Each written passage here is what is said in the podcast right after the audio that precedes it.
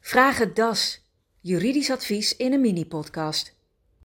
Hi Eva, Hoi. wat moet ik doen als ik een vaststellingsovereenkomst ontvang? Oh, dat is schrikken. Om ervoor te zorgen dat je de beste voorwaarden krijgt en geen rechten verspeelt, heb ik vijf tips. Kijk, dat is fijn.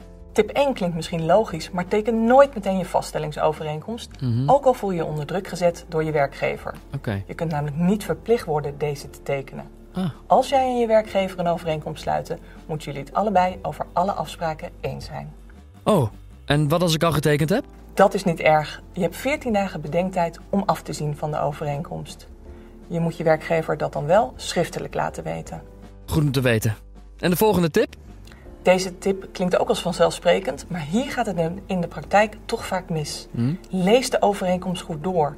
Staan er geen dingen in die je mist? Staat alles erin? En schrijf je vragen en je opmerkingen gewoon goed op. Oké, check. Tip 3.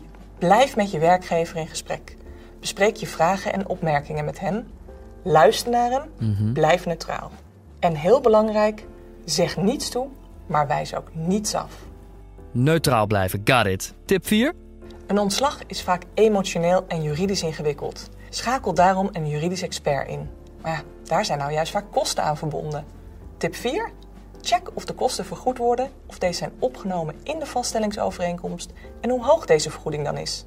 Dus altijd juridisch advies inwinnen. Ja, absoluut. Schakel tijdig een juridisch expert in. Deze kan je helpen met het beoordelen van de vaststellingsovereenkomst en onderhandelen met je werkgever. Oké, goede tips. Ehm, maar wat moet er eigenlijk in staan? In een vaststellingsovereenkomst staan de afspraken over het ontslag. Ah, In hoofdlijnen de beëindigingsdatum, de hoogte van de ontslagvergoeding en of je werkgever meebetaalt aan de juridische kosten. ah duidelijk. hey, eh, missen we nog wat? Ja, wat handig is om te weten, is dat een transitievergoeding niet verplicht is bij een vaststellingsovereenkomst. Maar je kunt natuurlijk met je werkgever onderhandelen over een ontslagvergoeding die hoger of lager kan zijn dan de transitievergoeding. Kijk op das.nl om je transitievergoeding te berekenen. Dan heb je meteen een indicatie wat je ontslagvergoeding zou kunnen zijn. Heel handig.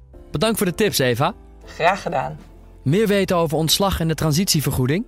Ga naar das.nl slash ontslag. Das. Meesters in juridische hulp.